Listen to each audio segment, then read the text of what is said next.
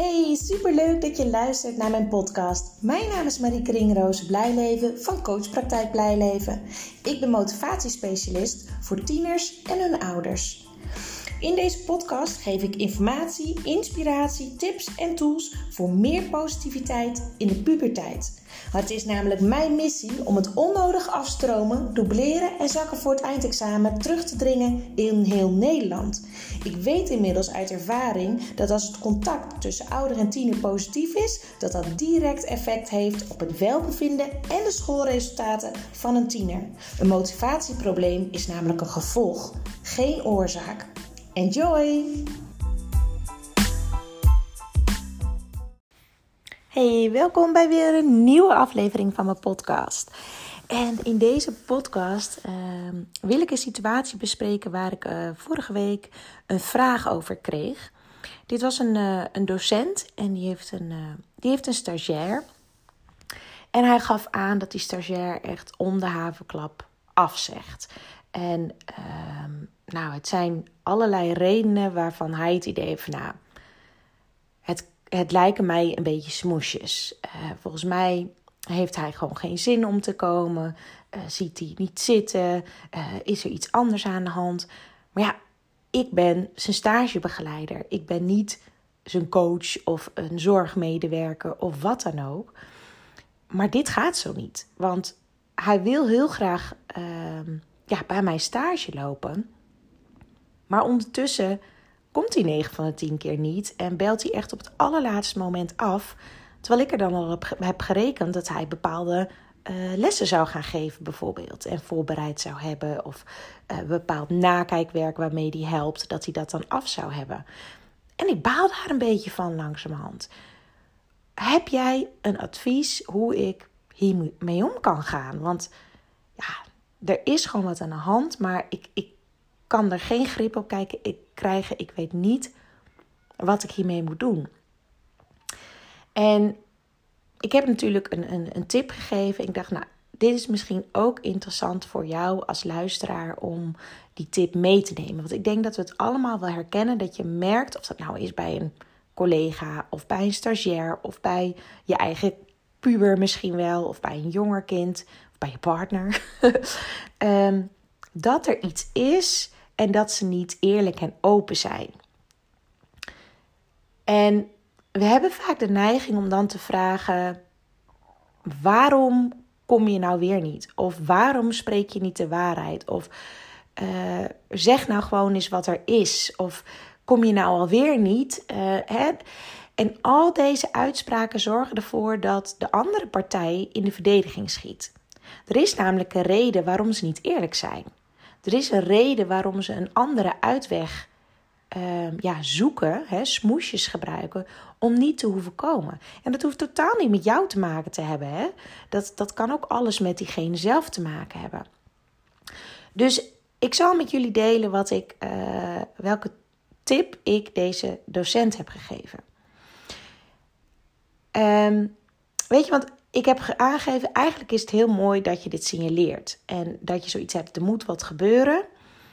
En de verantwoordelijkheid mag je dus ook terugleggen bij die ander. Maar die verantwoordelijkheid kun je pas teruggeven als er ook inzicht is van de andere kant wat er nou eigenlijk aan de hand is. Misschien hebben ze het zelf niet eens door, namelijk. En hoe je dat kan doen is bijvoorbeeld door alle uh, de situatie helemaal om te draaien, zeg maar. Alle ja, schuld noem ik het maar eventjes, bij jezelf te leggen. Bijvoorbeeld, joh, ik merk dat het helemaal niet zo lekker loopt tussen ons. En uh, ik, ik, waarschijnlijk doe ik iets niet helemaal goed, waardoor uh, ja, jij niet makkelijk naar de stage komt. Ik heb er veel over nagedacht, maar ik, ik kom er zelf niet achter. Ik heb jou, kijk erop, nodig om helder te krijgen wat er nu misgaat in, uh, nou, in deze stage. Hè. Het voorbeeld bijvoorbeeld wat ik, uh, wat ik net aangaf van die, uh, van die docent die ik had gesproken. Dit zorgt er namelijk voor dat je de, um, ja, de, de wij, het wijzen en, en de schuld en dergelijke weghaalt bij die ander. En daardoor ruimte creëert om open kaart te spelen. Bijvoorbeeld, nou, hè, dat ze dan reageren van nee, maar het heeft dan niks met jou te maken. Ik vind het gewoon heel lastig om te zeggen dat ik het, weet ik veel, moeilijk vind, spannend vind, niet naar mijn zin heb of weet ik veel wat. Hè? Ehm, en je kan ook aangeven, gewoon zo, ja, ik ben altijd heel erg van de open en eerlijke communicatie. Gewoon zeggen zoals het is. Bijvoorbeeld, joh, ik merk dat ik me zorgen aan het maken ben over, over jou.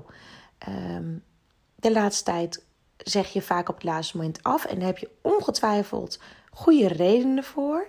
En toch merk ik aan mezelf dat ik me zorgen om jou maak.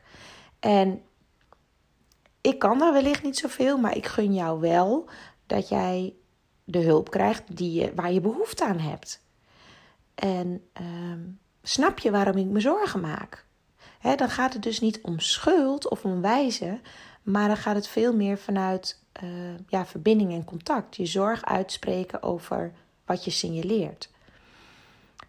Soms is bepaald gedrag namelijk ook een schreeuw om aandacht. En dan wil ik helemaal niet zeggen dat het in deze situatie ook zo is. Maar het kan dus heel erg helpend zijn voor de ander, voor deze stagiair bijvoorbeeld, als jij de woorden aankoppelt. Met name voor tieners is het heel moeilijk om woorden te koppelen aan emoties. En tieners denken heel erg op korte termijn. Het is niet dat ze niet op lange termijn kunnen denken, kunnen ze wel, maar hun pleziercentrum is overactief in hun, in hun puberbrein. En dat betekent dat zij gaan voor de snelle kick, de snelle beloning of de snelle kans op beloning. Dus als ze in het hier en nu denken: Ehm, ik zie het niet zitten om naar mijn stage te gaan. Of, of uh, ik ben bang dat ik het niet goed kan. Of straks faal ik. Of nou, noem maar op wat ze allemaal voor negatieve, niet helpende gedachten kunnen hebben. Dan is de oplossing in het hier en nu afbellen. En als jij zelf niet precies weet waarom je niet naar die stage wil, of dat je er geen woorden aan kan koppelen, dan bedenk je een excuus of een smoes. En dan is het voor nu, op dat moment, is het een oplossing. En wij als volwassenen beseffen, ja, maar dit is korte termijn denken en dit, is, dit heeft negatief of ongewenst effect op de langere termijn. Vooral voor die tiener zelf. En daarmee kan je dus helpen door, door dit uh, te signaleren allereerst natuurlijk, want dat is al heel mooi. En dan vanuit de zorg uitspreken van joh, ik signaleer dit en dit ik maak me zorgen. En heb je het hier ook met iemand over? Of begrijp je waar mijn zorg vandaan komt? En daarna ook vooral alles op jezelf betrekken. Joh, ik heb erover nagedacht of ik dingen anders kan doen richting jou, zodat jij wat meer misschien ruimte krijgt. Of, hè, maar ik heb echt jou nodig om te weten wat, hoe we samen de situatie kunnen verbeteren of veranderen, zodat jij je ook prettig voelt. Of misschien is het zo dat je, dat je de stage helemaal niet leuk vindt. Dat je de opleiding helemaal niet leuk vindt. Of misschien heeft het wel helemaal niks met de stage en met mij te maken. Um, maar ik vind het fijn om te begrijpen wat er gebeurt, zodat ik je kan helpen. Of eventueel dat jouw opleiding jou kan helpen. Want dat heb ik ook nog gegeven als advies. Kom je er zelf niet uit met, met die stagiair, dan kan je ook altijd nog contact zoeken met de desbetreffende opleiding natuurlijk. Of als het niet om een stagiair gaat, dat je contact opneemt met, uh, ja, met iemand anders die dichtbij staat. Van joh, signaleerde jij dit ook? Want het kan best wel zijn als er meerdere uh, signalen uh, over een tiener op een plek terechtkomen, bijvoorbeeld op een school, dat het op verschillende vlakken niet lekker gaat en die signalen komen allemaal bij elkaar dat ze denken: hé, hey, hier gaat iets helemaal niet goed. Deze jongen heeft begeleiding nodig. Moeten een gesprek aangaan om te kijken wat er nou eigenlijk aan de hand is. En helder maken van hè, bewustwording krijgen van dit doe ik nu. Ik loop ervoor weg. En waar loop ik dan voor weg? Is het onzekerheid? Is het angst?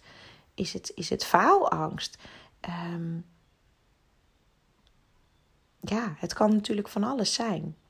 Dus ook hierbij, ook bij deze situatie, gaat het echt weer om de communicatie. praat met de ander en niet tegen de ander. Zodra je tegen de ander praat, dan ben je namelijk aan het zenden. Ben je informatie aan zenden, zenden, zenden, zenden en dan gaan de oren dicht. Oftewel, het gaat ene oor in, andere oor uit. Het blijft niet hangen. Um, denk maar eens aan een gesprek die je hebt met iemand. Je kent, iedereen kent vast wel iemand. Als je met diegene praat, dat ze uiteindelijk het gesprek altijd zo kunnen draaien dat het alleen nog maar over hunzelf gaat.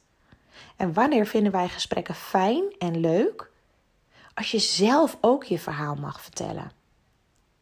En dat je misschien aan de telefoon ook af, af en toe denkt van... oh ja, nu heb ik genoeg uh, over mezelf gepraat. Nu wil ik weten hoe het met jou is. dat er een wisselwerking is. Dus als jij alleen maar aan het zenden bent... dan kan die ander zijn ei niet kwijt. En als jij vragen stelt, echt open vragen... en met open vragen, echte vragen bedoel ik echt waarvan je de antwoorden niet kan googlen. Waarvan jij van tevoren het antwoord niet weet. Anders heb je namelijk suggestieve vragen zo van een soort controlerende vragen. He, want dan weet jij het antwoord al en dat, dat voelt de andere, he, dat voelt de tiener natuurlijk direct. Dus echt vragen waarvan jij wil weten wat de ander daarop zal antwoorden. En daarmee zet je de ander ook aan denken. En daarmee creëer je weer overzicht. En uh, voor jezelf, maar zeker ook voor de ander. En als er dan woorden aangekoppeld worden aan de gevoelens en dergelijke, dan valt er soms ook echt een last van ze af. En die ruimte creëer je dus door het als zorg te uiten, door te benoemen wat je signaleert, zonder verwijten en oordelen en schuld en vingerwijzen, en het bij jezelf zoeken. Joh, ik merk dat jij niet graag hier meer komt. Tenminste, ik krijg het gevoel dat je hier niet graag meer komt, omdat je vaak op het laatste moment afzet. En dan neem ik mezelf kwalijk. Ik reken dat mezelf aan. En toch kan ik er niet achter komen wat, wat, wat ik anders kan doen. Ik heb je hulp daarbij nodig. Ik heb jou daarbij nodig. Ik wil ook leren. Elke dag leer ik ook weer. Dan maak je dus een open gesprek. En um, ja, krijg je een gelijkwaardig gesprek. En dan zullen ze ook opener worden. Ik ben benieuwd of je deze interessant vindt. Uh, want je kan hem natuurlijk op heel veel verschillende situaties toepassen. Als jij merkt dat je tiener liegt over dingen, uh, kan je bijvoorbeeld ook gaan, gaan invullen. Ja, ik kan me voorstellen dat jij ervan uitgaat als je, hè, als je eerlijk bent, dat ik boos, ben, eh, boos zou worden. En ik snap ook dat dat, dat absoluut niet meewerkt. En dat reken ik mezelf aan, dat ik op zo'n moment eerder boos ben geweest. Maar nu merk ik vooral dat ik me zorgen maak omdat ik merk dat je niet de waarheid spreekt. En daar heb je een reden voor. Uh, maar weet dat ik waarde hecht aan, aan die openheid en eerlijkheid. Dat ik met je meedenk. Want nu ga ik zelf doemscenario's bedenken.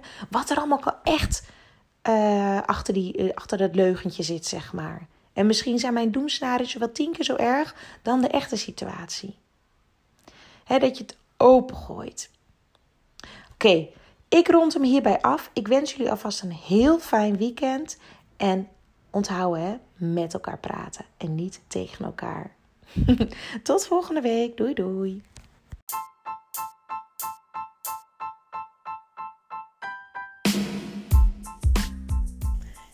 Dit was weer de aflevering van deze podcast.